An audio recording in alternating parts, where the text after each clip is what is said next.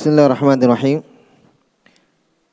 الحمد لله رب العالمين والعاقبة المتقين ولا عدوان إلا على الظالمين أشهد أن لا إله إلا الله وحده لا شريك له ولي الصالحين وأشهد أن محمدا عبده ورسوله وخاتم النبيين صلى الله عليه وعلى آله وأصحابه أجمعين أما بعد Ikhwani fiddin rahimani wa rahimakumullah. Alhamdulillah kita bersyukur kepada Allah Subhanahu wa taala. Pada sore hari ini kita kembali dikumpulkan oleh Allah Subhanahu wa taala melanjutkan kajian rutin kita dalam mengkaji pembahasan kaidah-kaidah dalam memahami fikih yang kita ambil dari Manzumah Qawaidul Fikiyah yang ditulis oleh Syekh Abdurrahman Ibn Nasir As-Sa'di rahimahullahu taala. Kita sekarang melangkah ke bait berikutnya. Di bait yang ke-19 beliau berkata wal aslu fi miyahinat taharah wal ardu was thiyabi wal hijarah asal dari segala sesuatu atau asal dari air miyah. Miyah itu air ya. Miyah air. Asal dari air itu at-taharah suci. Wal ardi tanah. Was siyabi pakaian. Wal hijarah dan batu Semuanya asalnya suci. Taib. Di bait yang ke-19 ini masih terkait dengan bait yang beri, yang sebelumnya. Kaidah sebelumnya yang kita sudah bahas di beberapa pertemuan sebelumnya yaitu al-yakin la yazulu bisyaki bahwa keyakinan tidak bisa menggeser atau tidak bisa digeser dengan keraguan. Keraguan tidak bisa menghilangkan atau menggeser keyakinan. Dan di antara bagian dari kaidah tersebut adalah mengembalikan sesuatu pada asalnya. Ya kan? Ketika kita misalnya sudah berwudu, maka ketika muncul keraguan kita kembalikan kepada asalnya. Asalnya kita sudah apa? Sudah berwudu. Ketika kita asalnya sudah menikahi istri kita, maka kita ragu apakah saya sudah menceraikan dia atau belum, maka kembali kepada asalnya. Asalnya saya sudah nikahi. Ya. Kembali kepada asalnya sesuatu itu. Sebab dengan itulah dibangun keyakinan yang kita sudah yakin dari dari awal perkara. Ya, itulah asalnya. Maka ketika muncul keraguan, maka kita kembalikan sesuatu pada apa? Pada asalnya. Nah, berarti dari sini kita penting untuk mengetahui asal sesuatu. Iya. Asal sesuatu itu apa? Apakah dia asalnya najis atau suci? Nah, ini ini kaidah berikutnya. Beliau berkata bahwa asal pada air, bumi atau tanah, baju dan batu semuanya asalnya suci. Berarti kalau muncul keraguan pada hal-hal yang disebutkan di sini, maka kembali kepada asalnya. Asalnya dia apa? Suci. Iya, asalnya dia suci. Kita ragu dengan air yang ada di ember misalnya. Apakah ini sudah terkotori dengan najis atau tidak? Kita mau pakai dia berwudu. Iya, maka kita kembali kepada asalnya. Asalnya boleh dipakai berwudu karena asalnya apa? Air suci. Kalau ditanya dalilnya apa? Dalilnya dalam Al-Qur'an huwallazi khalaqalakum ma fil ardi jami'a. Dialah Allah yang menciptakan untuk kalian di atas bumi ini jami'an untuk kalian manfaatkan. Dari sinilah para ulama bersepakat, para ahli fikih bersepakat bahwa berarti asal sesuatu itu adalah suci dan boleh. Ya, Makanya nanti akan kita sebutkan juga asal dari sesuatu muamalah duniawi ya boleh. Kecuali ada dalil yang mengharamkannya. Halallahu al-bai'a wa harrama riba. Allah halalkan jual beli dan Allah haramkan riba. Jelas? Karena memang asalnya di dunia ini semuanya boleh. Karena perkara dunia. Nabi mengatakan antum antum a'lamu bi umuri dunyakum. Kalian paling tahu, lebih tahu tentang perkara dunia kalian. Silahkan. Jadi tentang perkara dunia tidak ada dosa di situ. Jelas? Asalnya mubah-mubah saja. Kecuali ada dalil yang mengharamkan itu. Jelas? Mau bikin pesawat, mau bikin motor, silahkan itu perkara dunia. Lain kalau urusan agama. Ya karena ini urusan akhirat. Ya, urusan akhirat. Jelas ya? Jadi asal sesuatu di dunia ini termasuk eh, air, tanah, pakaian kita itu asalnya suci kecuali ada dalil yang jelas yang mengatakan dia najis, berarti dia keluar dari asalnya. Jelas? Keluar dari asalnya. Air, ya air asalnya suci. Sekarang kita bahas air. Ya, ini sudah praktek langsung pik ya, praktek. Air termasuk tercampuri dengan najis. Ya. Tercampuri dengan najis air itu. Apakah langsung menghilangkan sesuatu itu? Apakah langsung menghilangkan asal hukum air tersebut? Kita katakan tidak. Selama tidak merubah salah satu dari tiga sifat air. Warna, rasa dan bau. Faham? Saya ulangi. Ketika air itu tercampuri dengan yang najis. Misalnya air di kolam renang misalnya. Masuk najis. Ada anak-anak kencing di situ. Ya. Maka pertanyaannya apakah hukum asal air itu berubah dari suci ke najis? Jawabannya belum tentu. Ya, di dalam hadis la yabulana ahadukum fil ma'id daim waladhi la yajri Jangan salah seorang antara kalian kencing di air yang tidak mengalir. Jelas? Larangan Nabi kencing di air yang tidak mengalir itu karena madhonnatun najasa. Karena bisa menyebabkan air itu menjadi nah, najis. Tetapi kalau air itu tercampuri dengan hal yang najis. Tidak merubah tiga sifat air. Warna, bau dan rasa.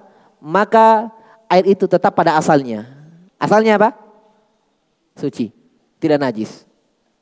Paham? Jelas ya? Karena air asalnya suci.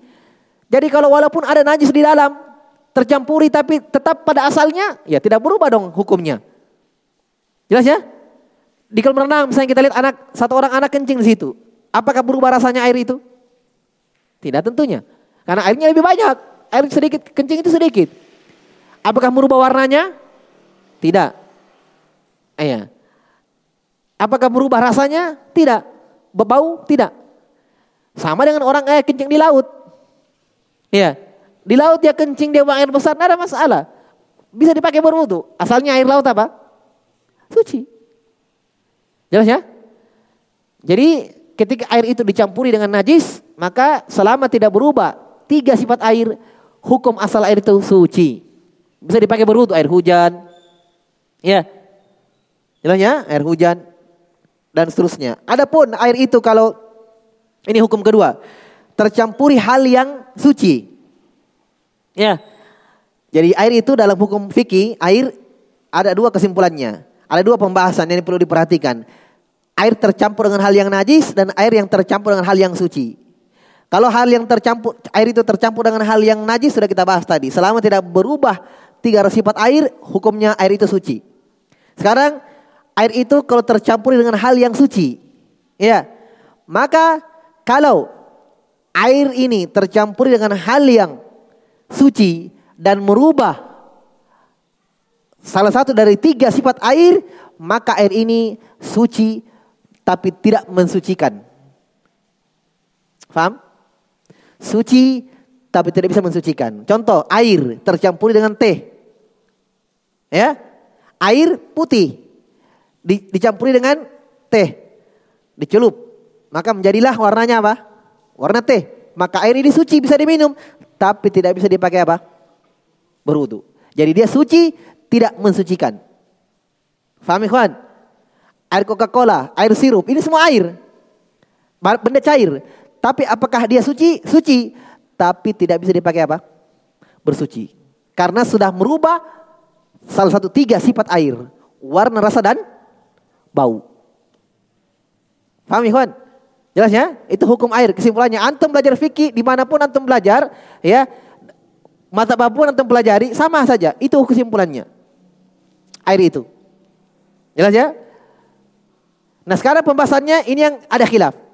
Tentang pembahasan air ketika tercampuri dengan hal yang suci.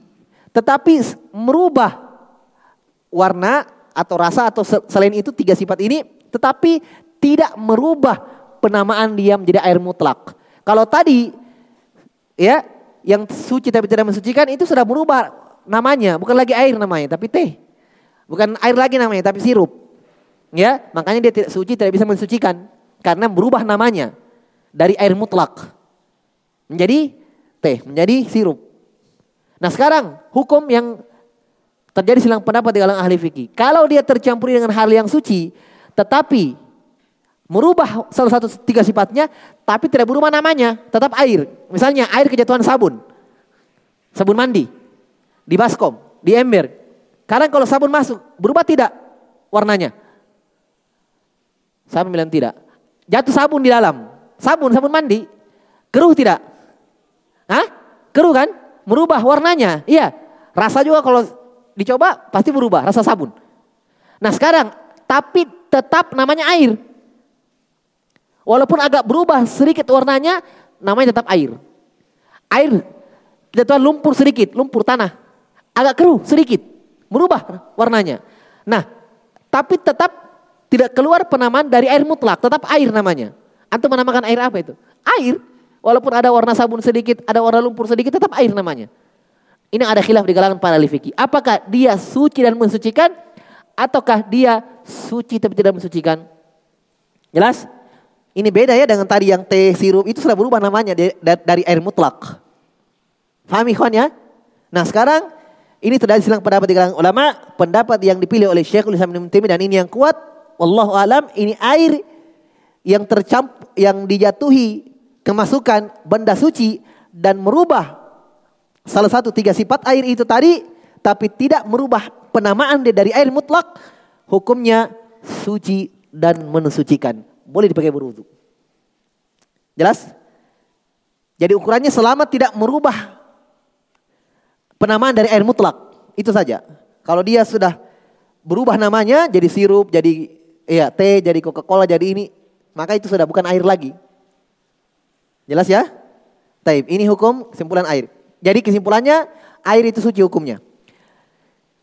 Kemudian tanah, tanah juga suci, dipakai tayamum, ya, dipakai bersuci. Pakaian kita, pakaian asalnya suci.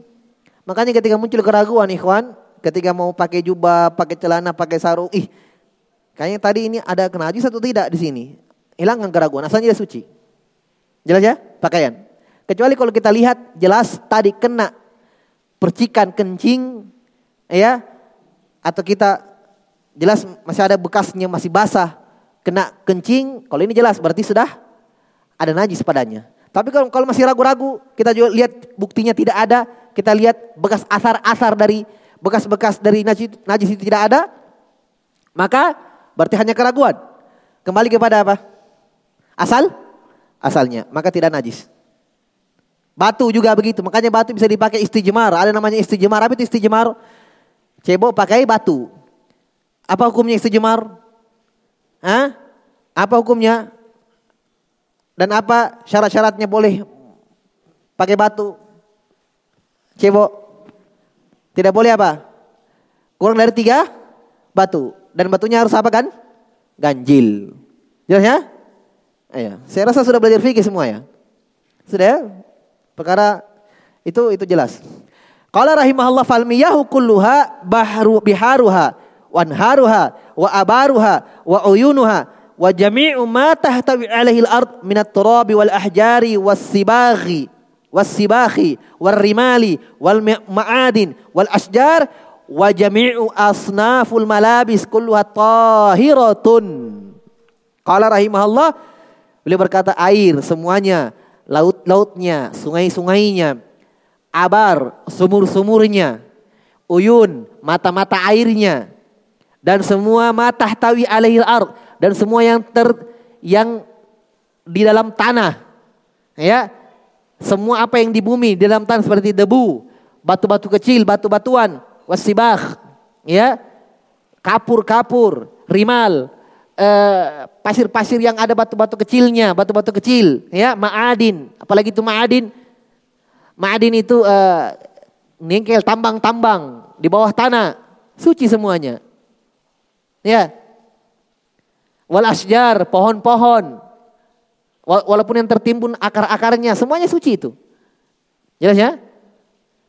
Dan semua pakaian-pakaian, celana, sarung, ya, semuanya kulluha tahira, semua asalnya suci.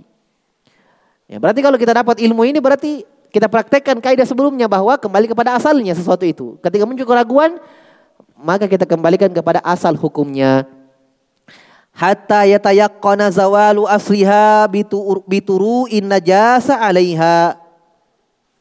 Jelas ya?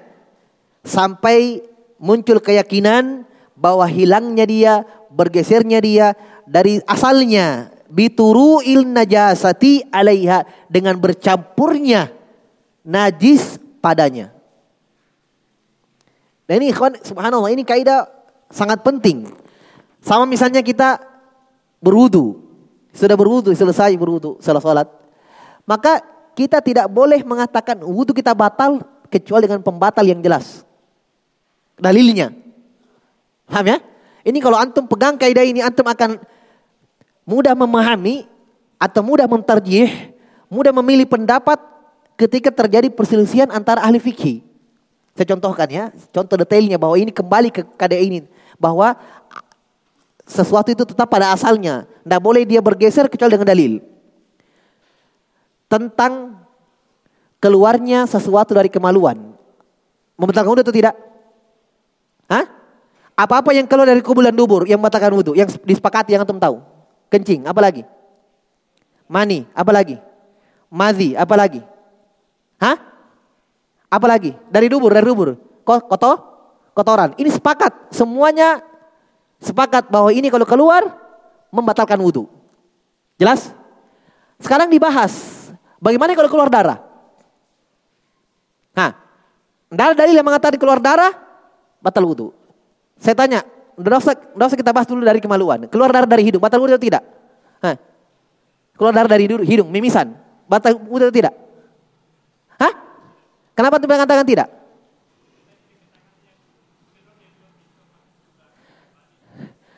bukan dalil. Ini ini. Kenapa keluar darah dari hidung tidak membatalkan wudhu? Apa dalil yang mengatakan tidak? Karena tidak ada? Tidak ada dalil. Saya sudah jelaskan, saya sudah jelaskan sebelumnya. Istishabul asal itu dalil. Kembali kepada asalnya itu dalil. Sekarang datangkan dalil, cari dalam Al-Quran, cari dalam hadis. Keluar darah dari hidung atau dari telinga membatalkan wudhu. Sampai kita tidak dapat antum. Kan tidak ada.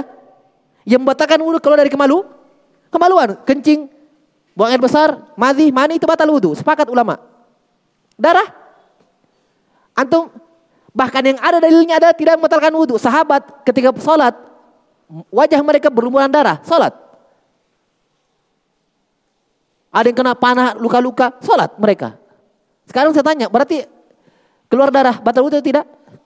Tidak ada. Tidak ada, tidak ada dalil mengatakan itu batal wudhu. Bahkan yang ada tidak batal. Paham ya? Saya keluar dari, dari hidung mimisan, tiba-tiba keluar. Tidak seperti berwudu. Tidak ada, tidak ada dalil yang mengatakan itu batal wudhu. Paham? Saya tanya, Bapak. Bapak sudah berwudu, tiba-tiba menginjak kencing. Ada kencing anak kita di lantai, kita injak. Batal wudhu tidak? Ini Bapak yang kacamata. Kenapa jangan katakan tidak? Kayaknya tidak. Ini peci, santri. Batal itu tidak? Injak kencing, injak, injak kencing. Bukan keluar, injak. Batal atau tidak? Kenapa mengatakan tidak? Tidak ada dalil. Terus apa yang antum lakukan kalau antum mau sholat? Kalau antum injak, apa yang antum lakukan kalau antum mau sholat? Cuci, ahsan, tabarakallah, cuci saja. Entah, tidak ada dalil mengatakan keluar keluar wudhu kita, batal. Tidak ada. Menginjak kotoran. contohnya buktinya Nabi sholat tidak tahu ternyata di sandalnya ada, ada najis. Di pertengahan sholat diberitahu oleh Jibril bahwa di sandal beliau ada najis. Apa yang Nabi lakukan? Nabi buka sandalnya. Sahabat juga di belakang ikut buka sandal. Ditanya kenapa kamu buka sandal kalian buka sandal kalian? Ya ya Rasulullah ra'aita khalaqta alaika. Khalaqna ni'alana. Karena kami lihat di pertengahan sholat kamu lepaskan sandalmu, kami juga lepas. Seperti turun wahyu.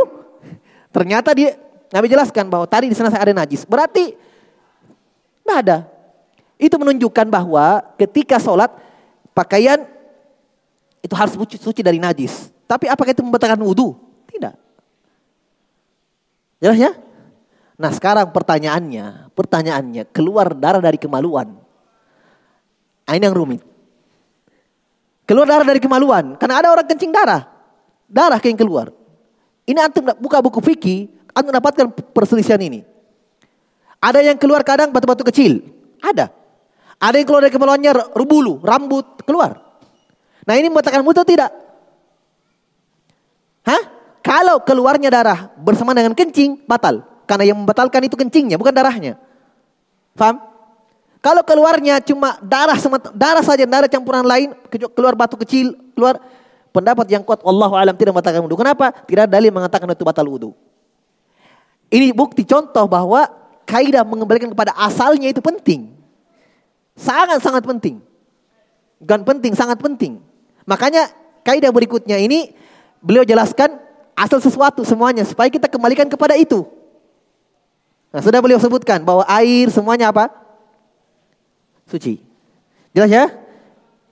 Selesai. Nah, perhatikan yang berikutnya.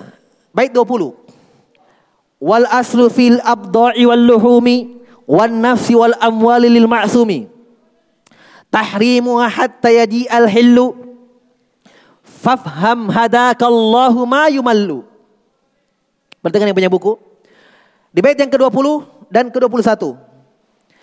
Beliau berkata masih membahas tentang hukum asal sesuatu. Tapi ber, beliau berpindah. Tadi yang dibahas tadi apa? Air batu tanah dan pakai? Pakaian. Empat. Sekarang Kata beliau, adapun dan asal pada abdor. Abdor itu anggota tubuh. Maksudnya anggota tubuh perempuan. Bagi kita yang bukan mahram. Ya, dibahasakan oleh istilah fikih abdor. Abdor itu anggota tubuh. Ya, anggota badan. Tangannya, hidungnya, semuanya abdor. Bid'ah. Ya, asal pada abda anggota tubuh orang waluhum daging wan nafsil wal amwal nyawa orang jiwa harta orang lil maksum lil maksum itu orang orang lain yang maksum terjaga yang terjaga harta dan darahnya ya tahrimuha semuanya haram paham ini jadi tubuh orang ya haram asalnya. Makanya ketika orang itu hilangkan jarinya orang, hilang juga jarimu. Ya, dalam Al-Qur'an. Kenapa? Karena asal tubuhnya orang haram. Kau hilangkan, hilang. Di kisos. Al-ainu bil aini wal anfu bil anfi wal udhun bil udhun. Dalam Al-Quran. Mata dengan mata. Kisosnya. Telinga dengan telinga. Kamu hilangkan telinga orang, hilang telingamu. Kisos. Ya. Hidung dengan hidung. Wal juruha kisos kata Allah. Dan luka-luka ada kisosnya. Kenapa? Karena anggota tubuh orang itu haram. Asalnya. Tidak boleh disentuh. Tidak boleh. Kemudian bermakna haram yaitu tubuh perempuan wanita yang belum yang bukan mahram. Haram. Asalnya. Makanya ketika kita ragu dengan perempuan yang kembali kepada hukum kemarin. Ya. Kita ragu dengan perempuan ini. Saya sudah nikah itu belum. Apa hukumnya sebelumnya? Apa hukum asalnya? Haram. Tidak boleh kamu sentuh. Muncul keraguan, ih saya sudah nikah ini orang atau belum? Ya belum. Asalnya, asalnya haram. Tubuh dia dari ujung rambut sampai ujung kaki haram. Nah boleh kamu lihat, nah boleh kamu pegang. Jelas ya? Haram. Kan bukan mahram. Faham? Hatta yadi al-hillu. Sampai datang yang menghalalkannya. Ya. Perempuan asalnya haram bagi kita. Dihalalkan dengan pernikahan. Ya. Fafham hadakallahu ma yumallu. Fahamilah ini hadakallah. Semoga Allah memberikan hidayah. Mayumallu apa yang diangan-angankan. Semoga Allah memberikan engkau hidayah dengan apa yang kita inginkan. Berikan petunjuk. Ya. Taib. Jadi ini secara umum makna dari bait ke-20 dan ke-21. Beliau jelaskan rinciannya. Qala rahimahullah yakni annal asla fi hadhil asya'i tahrimu. Yakni annal asla fi hadhil asya'i at-tahrimu. Yaitu asal pada sesuatu ini sesuatu ini semuanya at-tahrimu, haram. Hatta natayaqqanal hillu sampai kita yakin dengan kehalalannya. Beliau jelaskan satu-satu. Fal aslu fil abdo'i at-tahrim. Satu, abdo. Kata beliau yang menjadi asal pada abdo, anggota tubuh. ya Tahrim. Beliau jelaskan, abdo itu apa abdo? Wat unnisa al abdo itu adalah menyentuh atau menyetubuhi perempuan. Itu abdo. Dikatakan dia abdo karena ya namanya bersetubuh kan? Menyetubuhi berarti bagian tubuh. Makanya di bahasakan dalam istilah bahasa Arab abda. Kalau antum buka kamus abda itu bid'un itu anggota tubuh. Bagian tubuh. Ya, jadi maksud di dalam bait abda perempuan. Ya, menyetubuhi perempuan. Asalnya haram. Fala yahillu illa biyakinil hil. Tidak dihalalkan, tidak diperbolehkan sampai jelas sampai yakin dengan kehalalannya. Imma binikahin sahih. Apa kehalalannya? Bagaimana kehalalannya? Ya dengan nikah yang sahih, dengan nikah yang benar. Karena tidak semua nikah benar. Tidak semua nikah sahih. Dia nikahi perempuan yang masih dalam masa iddah. Batil pernikahannya, tidak sahih. Ada perempuan diceraikan oleh suaminya, masih masa iddah, tiga kali haid. Baru satu kali haid, dia nikahi. Batil pernikahannya. Kalau ada anaknya dari situ, anaknya anak syubhat. Sama dengan hukum nikah di luar, hukum hamil di luar nikah. Sama. Karena pernikahannya tidak apa? Tidak syah. Jelas? Nikah nikah mu'tada menikahi perempuan yang masih dalam iddah tidak syah pernikahannya. Tidak nikah sahih. Jelas ya? Tidak nikah dengan nikah yang sahih. Demikian pula nikah tanpa wali. Iya, nikah tanpa wali tidak sahih. Demikian pula nikah dengan saudara kandung. Tidak sahih. Ya, nikah dengan saudari kandung sendiri. Sebagaimana dalam hadis ada dulu orang yang menikah dengan saudara sesuannya, dia tidak tahu. Ya, sudah nikah, bahkan ada anaknya dalam hadis. Datang ibu yang menyusui mereka berdua. Kata ibu ini, fakoda ardo tukuma dulu saya telah menyusui kamu dan kamu. Suami istri. Ya.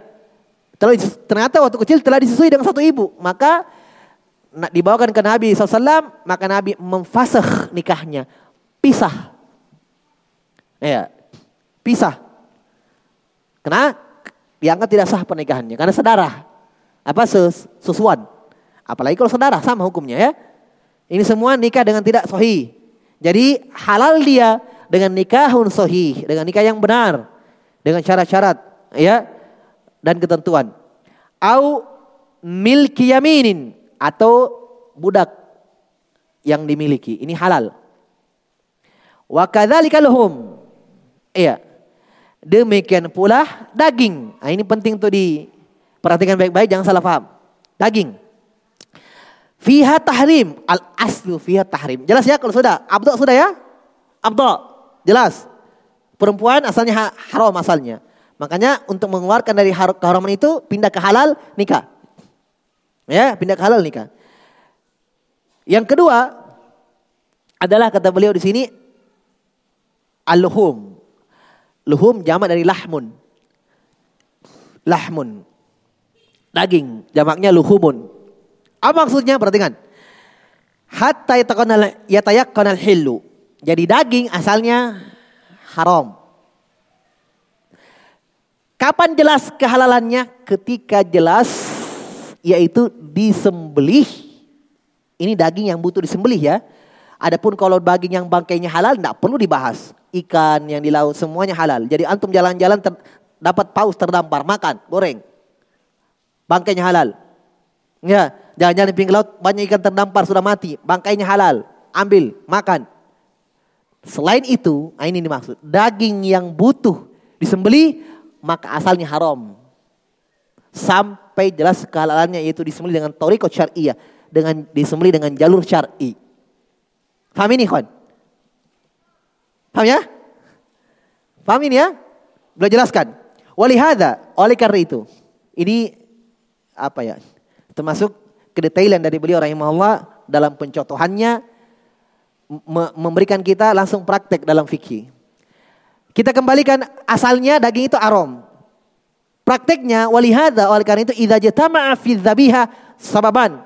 Ketika terjadi pada sembelihan dua sebab. Ada sebab halal, ada sebab haram. Kalau sebab halal daging itu disembeli dengan toiko syariah. Sebut nama Allah bismillah disembeli.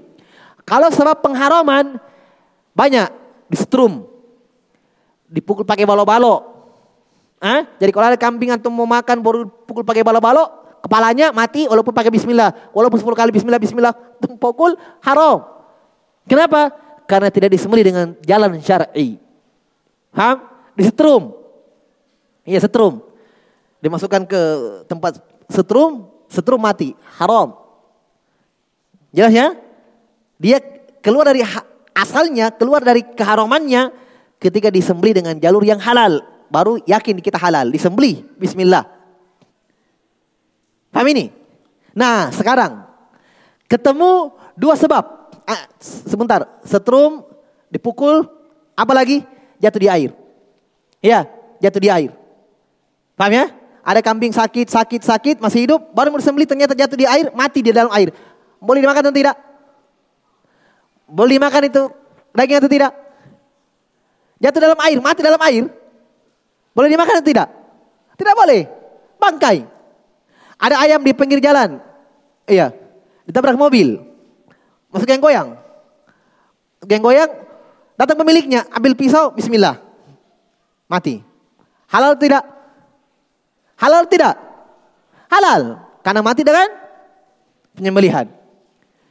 Jelas ya? Taib.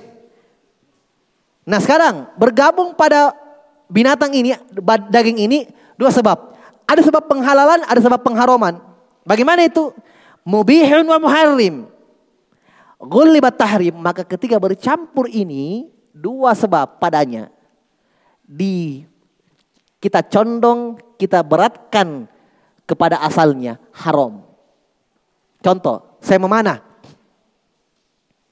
Ya, atau tembak. Ya, rusak lah. Kalau Makassar bilang apa? Jonga. Hah? Di hutan. Ya. Berburu itu hukumnya sama dengan menyembelih. Selama dia berburu di hutan, dia lepaskan tembakannya, dia lepaskan panahnya, bahkan dia berburu dengan binatang buruannya, singanya, dia lepaskan bismillah, halal. Dia lepaskan binatang peliharaannya yang dia sudah didik, ya, anjing dia didik, pintar, dia lepaskan di hutan, dia pulang di mulutnya ada ayam, halal. Dalam Al-Quran ayat. Wal mukallibina, anjing yang terdidik, kata Allah. Fakulu mimma amsakna alaikum. Makanlah dari yang ditangkap oleh binatang itu. Ini kata para ulama, anjing saja yang belajar dibedakan hukumnya. Ya, para ulama memakai ayat itu dengan berda, berdalil tentang keutamaan ilmu agama. Karena dalam Al-Quran Anjing yang sudah dilatih itu bisa dipakai berburu. Dilepaskan bismillah, dengannya bismillah, dia pulang, dia bawa di mulutnya ayam sudah mati, ya, atau kambing sudah mati, ya. Maka itu bisa dimakan halal, lepas bismillah. Sama dengan memanah di hutan, menembak, lepas bismillah, tembak kena mati halal. Sama dengan menyembelih itu hukumnya. Tidak ada bedanya. Taib. Sudah ya? Nah sekarang saya tembak. Saya tembak. Eh kena.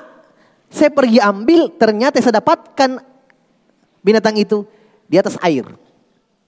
Misalnya ternyata saya tempatnya di bawah misalnya ada sungai-sungai kecil. Ya, saya dapatkan itu anak kambing atau anak jonga misalnya anak rusa di atas air matinya. Berarti bercampur dua sebab. Kalau dia mati dengan panah saya halal. Tapi ada kemungkinan dia mati dengan air. Misalnya ketika dia kena panah, masih hidup. Goyang-goyang, jatuh di air, mati. Berarti siapa yang bunuh? Panah atau air? Air. Berarti kalau air yang bunuh, maka haram. Faham ini? Faham ini? Baru dengar? Baru dengar? Ini dibahas dalam fikih, dalam akhir bab-bab fikih, ya itulah susah kalau belajar fikih. Sholat toharo berhenti, sholat toharo berhenti, itu susah. Di dalam akhir-akhir fikih dibahas tentang kitab At-Imah. Ya, kitab tentang makanan-makanan ada juga dalam pembahasan uh, kitab Ashribah minum-minuman makan-makan itu dibahas tentang ha yang halal dimakan yang boleh tentang hukum buru berburu atau di akhir fikih. Ya kita kan paling jauhnya sholat berhenti lagi. Buka lagi dari awal tentang wudhu, sholat berhenti lagi. Ya jarang atau kita selamat apa selesaikan fikir dari awal. Taib sampai akhir. Jelas ya? Nah, bergabung padanya apa? Sebab halal dan sebab apa? Pengharuman. Ragu tidak? Ragu tidak? Ragu. Kembali pakai kaidahnya. Al yakin la syak. Iya, keyakinan tidak bisa digeser dengan keraguan. Kita kembali kepada asalnya. Asalnya tadi apa? Haram. Jangan makan. Paham? Kenapa? Karena ada sebab keharuman di situ juga. Iya. Ada sebab keharuman. Kata beliau, ghulibat tahrim. Ghulib itu diberatkan, dititik beratkan atau dicondongkan kepada yang haram. Berarti kita kembalikan kepada asalnya, berarti asalnya yang bunuhnya air. Kembalikan pada asalnya haram. Ya. Karena kita tidak yakin yang bunuh panah. Fala yahillul mazbuh al-masidu maka tidak halal. Ya. Fala hilul mazbuhu wal masid. Tidak dihalalkan untuk memakan al-mazbuh yang dibunuh tadi, yang dikejar tadi, yang ditembak, yang diburu. Binatang buruan itu binatang buruannya tidak boleh dimakan. Falau contoh lain, falau romahu falau romahu au dzabahu bi alatin masmumah au romahu fawaqa Ya, au wat'ihi syai' wata'ahu syai'un yuktal misluh ghaliban fala fala yahillu. Ya, maka contohnya kalau dia panah atau dia sembelih dengan alat yang sudah diberi racun. Masmumah yang sudah dikasih racun. Parangnya, pisaunya ada racunnya, disembelih. Halal atau tidak? Hah? Berarti bisa jadi yang bunuh racunnya atau bisa jadi dia mati karena darahnya habis. Kalau darahnya habis, berarti dibunuh dengan putusnya iya, uratnya. Berarti yang bunuh sembelihan. Tapi bisa jadi dia mati dengan racunnya. Berarti haram. Jelas? Karena kita tidak ada keyakinan di situ. Tidak yakin kita itu mati dengan jalan syar'i. Berarti kembali kepada asalnya dia haram. Contoh lain, auramahu atau dia panah binatang itu, fawaqo afima Ternyata binatang itu jatuh di air.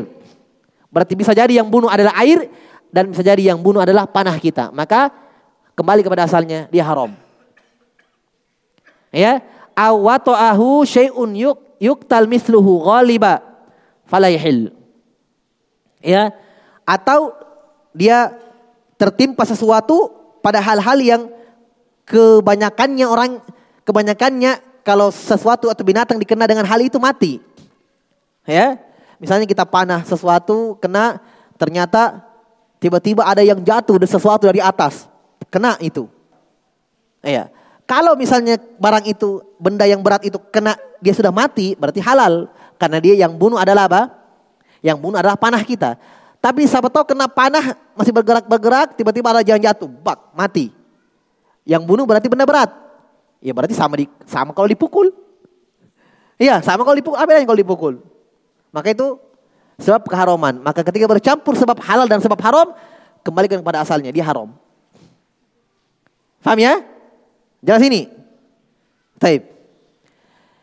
Terus bagaimana kalau misalnya disembelih lupa baca bismillah? Ada yang menyembelih? Ya, kambing. Iya. Putus lehernya. Astagfirullah. Lupa baca bismillah. Sebelum antum jawab pertanyaan ini, hukum sembelihan yang tidak disebut nama Allah haram. Kata Allah dalam Al-Qur'an, "Fala ta'kulu mimma lam yuzkarismullah." Jangan kalian makan, ya. Jangan kalian makan binatang-binatang yang disembelih tidak menyebut nama Allah padanya. Haram dimakan. Sembelihan yang tidak disebut nama Allah. Pertanyaannya, ada orang mau menyembelih, dia lupa baca bismillah. Nanti sudah mati baru ingat astagfirullah. Tadi saya tidak baca bismillah. Pertanyaannya, boleh dimakan atau tidak? Lupa baca bismillah. Boleh dimakan atau tidak? Jawab saja, apa yang antum tahu? Jawab saja. Tidak, tidak dimarahi. Tidak, tidak boleh dimakan. Kenapa? Nah, tidak, tidak, tidak, tidak boleh dimakan. Kenapa? Ya kan dia lupa. Hah? Boleh. Karena ada uzur dia lupa. Ah, khilaf para ulama. ya, khilaf. Ada yang mengatakan halal, ada yang mengatakan tidak. Taib. Ada silang pendapat di kalangan para ulama tentang hal ini. Mereka mengatakan yang mengatakan boleh karena lupa. Dalilnya Rabbana la tu'akhidna in nasina. Ya Allah, jangan kamu siksa kami kalau kami lupa. Ini dalil mereka. Ada fatwa dari Ibnu Abbas radhiyallahu taala anhu uh, apa uh, pendapat yang dipilih oleh Syekhul Islam Ibnu Taimiyah rahimahullahu taala dan ini yang dipilih oleh sejumlah ulama muhakikin bahwa sembelihan ini tidak boleh dimakan. Haram. Karena masuk pada keumuman wala ta'kulu mimma lam yuzkarismullah. Jangan kalian makan sembelihan yang tidak disebut nama Allah.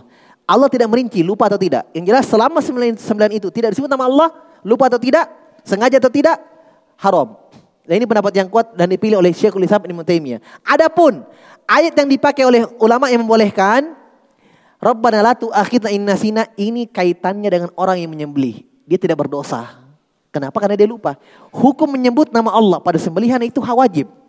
Kalau dia lupa, berdosa tidak? Tidak berdosa. Karena Allah tidak menyiksa kalau lu lupa. Tapi masalahnya beda hukum orang yang menyembelih dan beda hukum yang disembelih. Paham ini? Kalau menyembelih, tidak sebut nama Allah, tidak berdosa karena lupa. Tapi yang masalahnya ini sembelihan. Dia mati tanpa disebut nama Allah padanya. Jelas? Maka pendapat yang kuat Allah alam bahwa itu tidak boleh dimakan. Masuk pada keumuman ayat, jangan kalian makan sembelih tidak disebut nama Allah. Adapun pelakunya tidak berdosa karena dia lupa. Paham? Bedakan hukum pelaku dengan hukum yang disembelih. Jelas ya? Taib. Ya, intinya minimal itu syubhat. Antum saya ragu.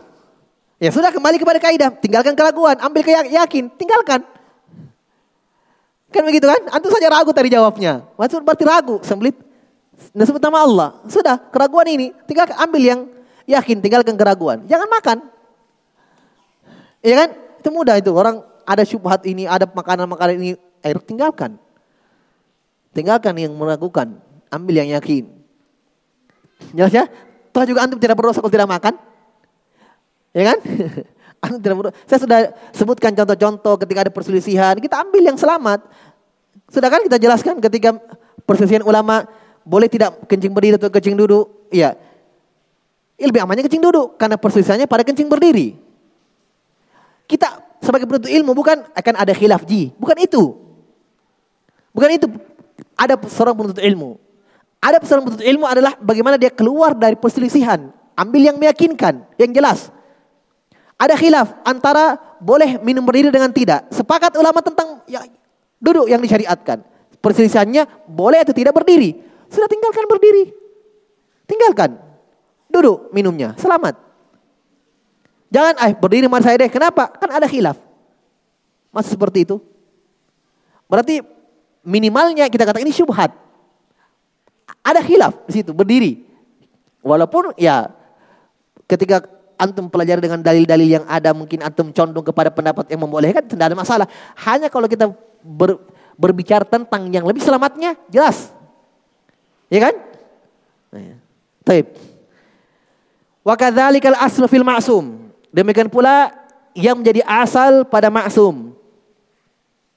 Al-ma'sum itu adalah uh, manusia atau hamba Allah Subhanahu wa taala yang terjaga harta dan darahnya muslimin. Jelas ya? Kafir juga ada yang terjaga dan ada yang tidak. Kafir yang terjaga darahnya adalah kafir yang selain dari kafir harb. Selain dari kafir harbi. Adapun kafir yang lain itu terjaga juga darahnya, tidak boleh dibunuh. Kafir yang tinggal di negara Islam, di negara kaum muslimin, sudah membayar pajak, sudah membayar upeti, ya, ini tidak boleh ditumpahkan darahnya, terjaga juga. Ya, ini namanya kafir zimmi namanya. Jelas, ini keadaan orang-orang kafir yang tinggal di negara kaum muslimin. Tidak boleh diperangi. Kafir zimmi namanya. Ada kafir mustakman juga. Kafir mustakman ini adalah kafir yang diberi jaminan keamanan oleh negeri Islam. Dan ini keadaan-keadaan turis-turis yang masuk. Ketika dia datang ke negara kita, paspornya distempel, dijamin keamanannya, maka kita tidak boleh membunuhnya. Kita tidak boleh menumpahkan darahnya. Walaupun dia kafir dari sisi agamanya, tapi dari sisi hukumnya dia maksum terjaga darahnya, tidak boleh dibunuh. Faham ya? Karena dia sudah dapat jaminan keamanan oleh pemerintah kita. Jelas ya? Ah, ini semua kafir yang tidak boleh diperangi. Adapun kafir harbi adalah kafir yang memerangi kaum muslimin. Ini juga di ini maka ini boleh di diperangi karena dia ya memerangi kaum muslimin. Namanya kafir harbi. Taib. Wa kadzalika al aslu fil ma'sum. Demikian pula asal pada al ma'sum yang terjaga darahnya. Siapa ini? Wal muslimu wal muahad. Dia adalah kaum muslimin dan kafir yang muahad. Kafir yang sudah mengadakan perjanjian kepada kaum muslimin yang tidak untuk tidak saling berperang. Maka ini tidak boleh diperangi. Karena Allah Subhanahu wa taala ya mengharamkan kita menyelisihi janji kesepakatan walaupun pada orang kafir. Ketika kita sudah sepakat dengan mereka, tidak boleh saling berperang, damai, maka ketika kita memulai peperangan, berdosa kita. Tidak boleh. Karena kita menyisi perjanjian. Jelas? Maka ketika sudah berjanji untuk damai dan berperang, maka mereka terjaga darahnya. Ini namanya kafir muahad. Jadi tiga kafir yang terjaga. Kafir zimmi, kafir mustakman, dan kafir muahad. Jelas? Yang kafir yang keempat, kafir harbi namanya. Ini yang memerangi kaum muslimin. Kalau ini tidak dibahas. Jelas ya? Tahrimu damihi, wa malihi, wa irdihi. Maka kalau seperti ini terjaga darahnya dan hartanya, maka kembali kepada asalnya. Asalnya haram darahnya, hartanya, dan kehormatannya. Jelas ya? Haram. Fala tubahu illa bihaq. Tidak boleh dihalalkan kecuali dengan hak, kecuali dengan alasan yang benar. Kecuali dengan alasan yang benar. Fa idza zalal aslu. Kalau hilang asal ini, sudah bergeser asalnya, imma biriddatil muslim. Mungkin bisa jadi dengan murtadnya yang muslim tadi. Iya, Berarti keluar dari asalnya. Makanya Nabi mengatakan mambaddala dinahu faktuluh. Siapa yang mengganti agamanya dalam artian murtad faktuluh. Bunuh dia. Tapi ini yang membunuh bukan kita. Yang berhak membunuh adalah penguasa. Kalau dia murtad, bunuh, perangi. Makanya Abu Bakar As-Siddiq memerangi orang yang murtad di zaman kekhalifaan beliau radhiyallahu taala anhu sepeninggal Nabi sallallahu alaihi wasallam banyak yang murtad diperangi oleh beliau radhiyallahu anhu karena memang itu hukumnya yang murtad diperangi. Jelas ya? Yang murtad diperangi. Taib. Auzana al-muhsan. Demikian pula kalau dia berzina. Orang yang sudah menikah, muhsan, sudah terjaga dengan pernikahan. Dia berzina, hukumnya dirajam, dibunuh juga. Berarti ini bunuh dengan cara yang hak. Jangan mengatakan, oh ini pemerintah berdosa karena membunuh yang haram dibunuh. Tidak, sudah keluar dari asalnya. Asalnya haram, tapi kalau dengan dari asalnya sudah bergeser dia. Sudah keluar dari asalnya. Dia murtad, dia berzina. Atau dia membunuh juga. Ah, kalau dia membunuh juga, keluar dari asalnya, berarti darahnya sudah halal. Kisos. Kalau keluarga si pembunuh, keluarga yang terbunuh mengatakan bunuh dia juga dia, maka dibunuh. Jelas ya? Ini dengan yang hak. Makanya antum dapatkan itu dalam Al-Quran, dalam hadith-hadith. Ya, ya mereka tidak membunuh jiwa dengan kecuali dengan hak. Itu ada kalimat kecuali dengan hak karena memang bisa membunuh dengan hak. Bisa membunuh dengan hak. Yaitu makanya ada teka-teki dalam fikih. Teka-teki dalam fikih ada orang membunuh dengan sengaja tapi tidak berdosa. Dan yang dibunuh muslim. Dia tidak berdosa. Siapa jawabannya? Algojo. Algojo tukang tukang potong orang. Ya, ini berdosa dia. Tugasnya memang bunuh orang. Anda boleh lihat di Arab Saudi, orang kisos. Itu kalau orang di, diumumkan di radio, besok jam sekian jam sekian si fulan bin fulan dikisos di tempat fulani, di tempat ini. Dilihat oleh manusia di kisos itu. Datang algojonya, parangnya panjang, tajam, satu kali tebas putus. Dia bunuh muslim sengaja, tidak berdosa. Siapa itu? Algojo. Dengan hak ini, dengan hak. Ya kan penguasa, hukum Islam diterapkan. Ya kan? Hukum Islam diterapkan. Taib. Maka ini ini dengan hak. Adapun kalau tidak ada alasan yang benar, maka haram. Kembali kepada asalnya, haram. Au qatli nafsin atau dia membunuh jiwa, nah, itu tadi. Ya. Au naqdil muahadi al ahda halla qatluh atau orang kafir yang sudah melakukan perjanjian dengan kaum muslimin untuk tidak berperang tapi dia menyelisih perjanjian itu, menyerang kaum muslimin, maka selesai, boleh dibunuh. Maka halaqatluh, maka ini semua halal memerangi mereka. Karena keluar dari ah? Keluar dari ah asalnya. Paham ya? Taib. Wa kadzalika idza janal insanu jinayatan tujibu qat'a udwin. Nah. Demikian pula kalau manusia berbuat jinayah, berbuat kezaliman, jinayah, entah itu dia potong jarinya orang, dia hilangkan, dia hilangkan telinga orang, dia hilang, dia pukul luka, luka, lukai orang, ya. Ini jinayah namanya. Jelas? Kan tadi asalnya anggota tubuh apa? Menghilangkan anggota tubuh orang apa hukumnya? Haram. Tapi kalau dia hilangkan anggota tubuh orang lain jadi halal. Faham ini? Dia hilang ke telinga orang. Ya kisos, hilang telinganya juga halal. Jelas ya? Tapi ingat pemerintah bukan kita. Jelas ya? Diterapkan. Ya. Ya, kalau kita Ustaz sekarang bagaimana? Ya sudah, tidak boleh, tetap tidak boleh main hakim sendiri. Ada pihak wajib.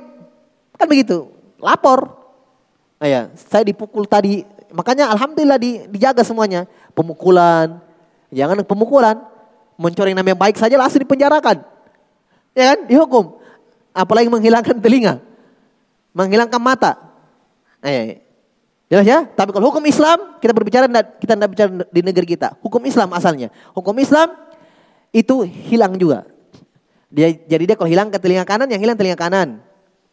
Ya, dia tusuk mata kanan, maka dia dibalas kisos ditusuk juga mata kanannya, dihilangkan juga.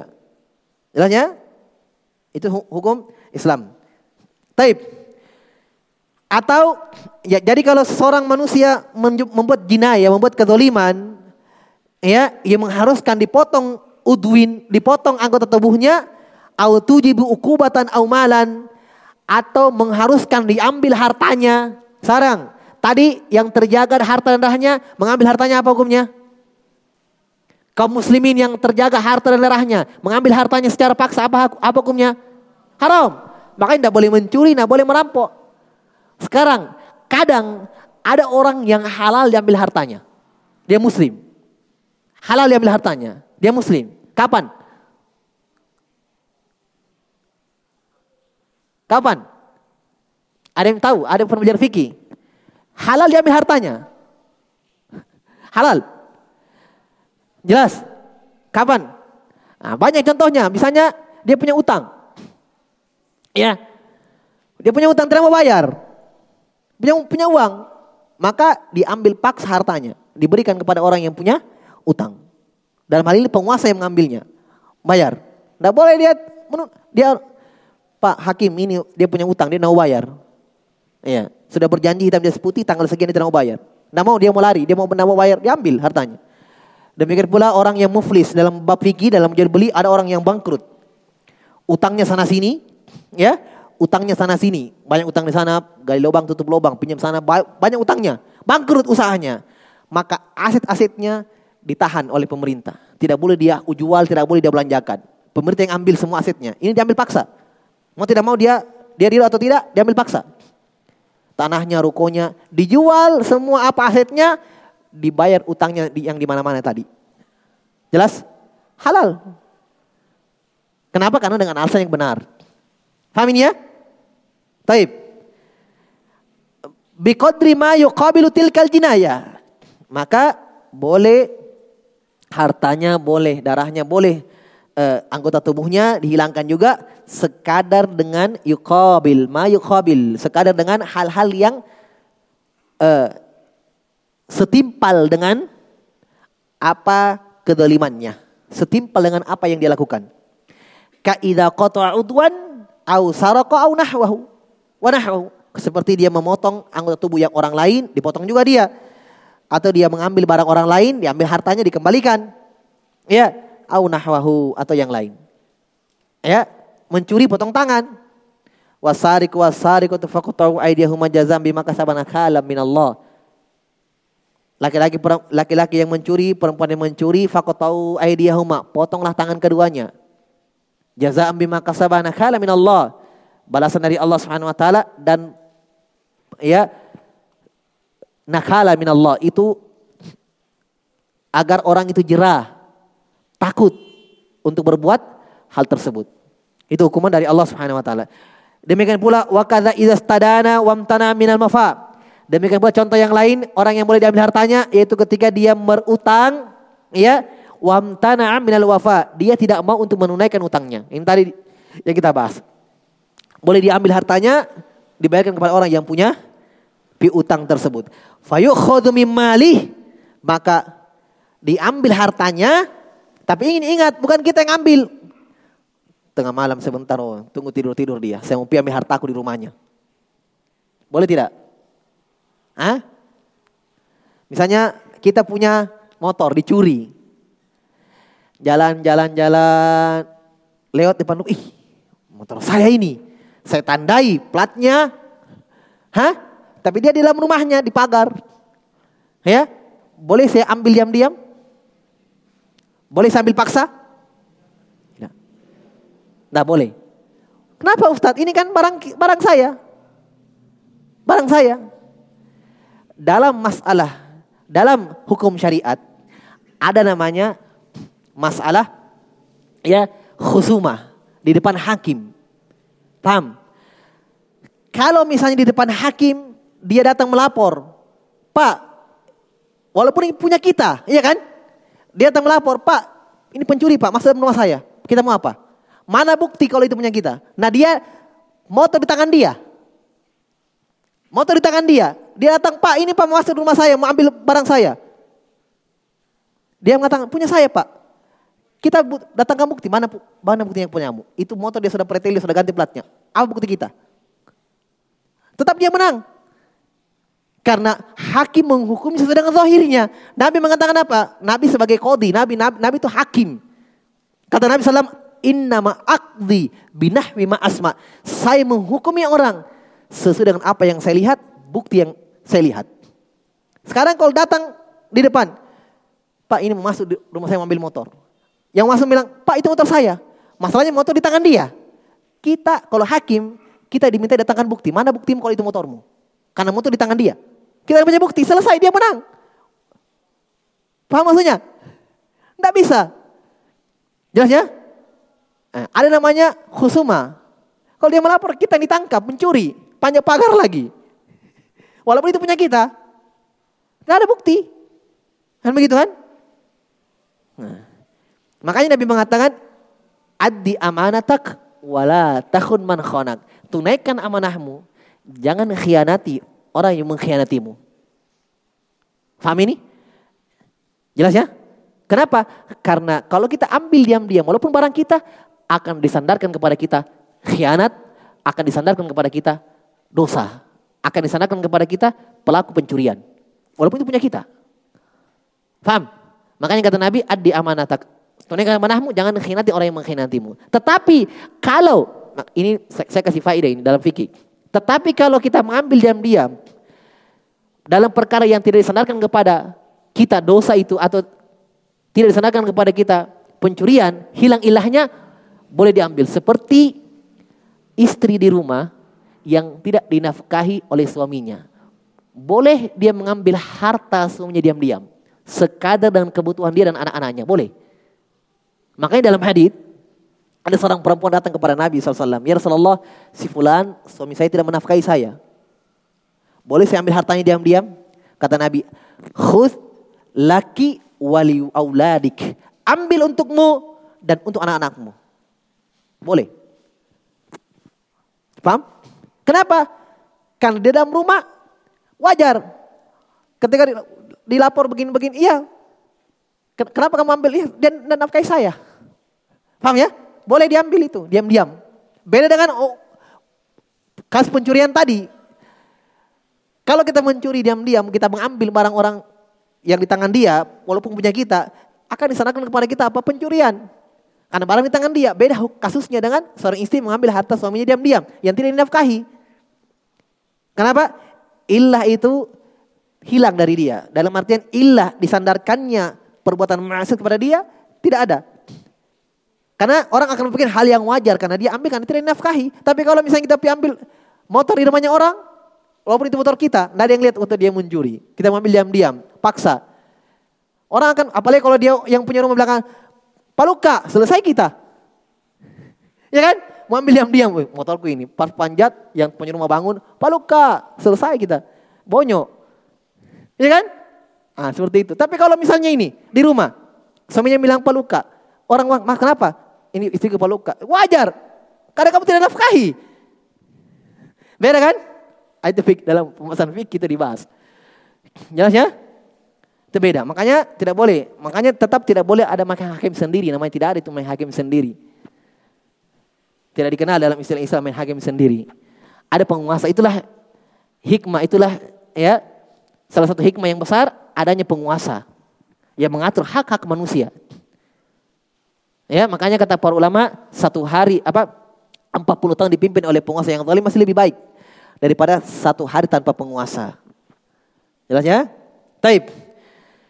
Kata beliau rahimahullah fayu min malihi bi qadri dzalikal haq. Maka boleh diambil hartanya, yaitu tadi orang yang tidak mau bayar utangnya, boleh diambil hartanya sekadar dengan utangnya, sekadar dengan apa yang haknya yang diterima tunaikan tadi. Sawa'un kana dainu lillahi aw lil khalq. Sama saja apakah itu utang untuk Allah dan utang untuk makhluk. Utang untuk Allah yaitu dia tidak mau bayar zakat. Itu utang untuk Allah. Jelas? Itu urusannya bukan dengan makhluk, urusannya dengan Allah. Kalau urusannya dengan makhluk adalah utangnya makhluk. Utangnya manusia. Dia tidak mau bayar. Berarti ini utang dengan manusia. Tapi kalau zakat, iya, itu kaitannya dengan Allah Subhanahu wa taala. Au nafaqatan lil aqarib wal mamalik wal baim wal dhaif wa nahwi atau nafkah-nafkah untuk kerabat, ya, al-mamalik, budak-budak atau hewan atau tamu atau yang semisalnya yaitu ketika dia tidak mau nafkahi keluarganya, ya dia tidak mau nafkahi budaknya, dia tidak mau memberikan makanan kepada binatangnya, ternaknya, maka boleh diambil paksa hartanya diberikan kepada orang yang ditanggung itu tadi. Paham ini maksudnya? Misalnya ada orang tidak mau kasih nafkah keluarganya, Iya, tidak mau. Tidak mau kasih nafkah akoribnya. Akorib itu keluarganya. Seperti misalnya saudaranya, ya, orang tuanya, ponakannya.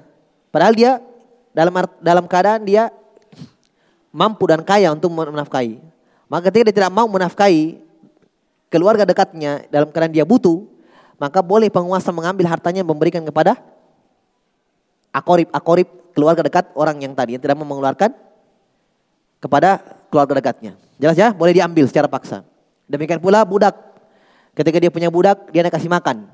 Dia punya budak, dia tidak nafkahi. Maka boleh penguasa mengambil hartanya, memberikan kepada budaknya. Karena itu haknya budak. Ya, haknya budak. Demikian pula eh, binatang-binatang ternak, bahaim.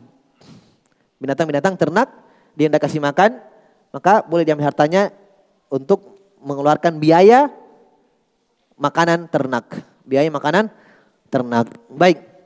Ini eh, apa? Akhir dari bab akhir dari bait yang ke-20 dan ke-21. Ya, kita cukupkan dulu ya. Insyaallah taala kita lanjut pada pertemuan selanjutnya. Kita akan masuk pada bait yang ke-22 dan ke-23. Allah alam bisawab. Subhanakallahumma hamdik, asyhadu an la ilaha illa anta astaghfiruka wa atubu ilaik. Wa akhiru da'wana alhamdulillahirabbil alamin.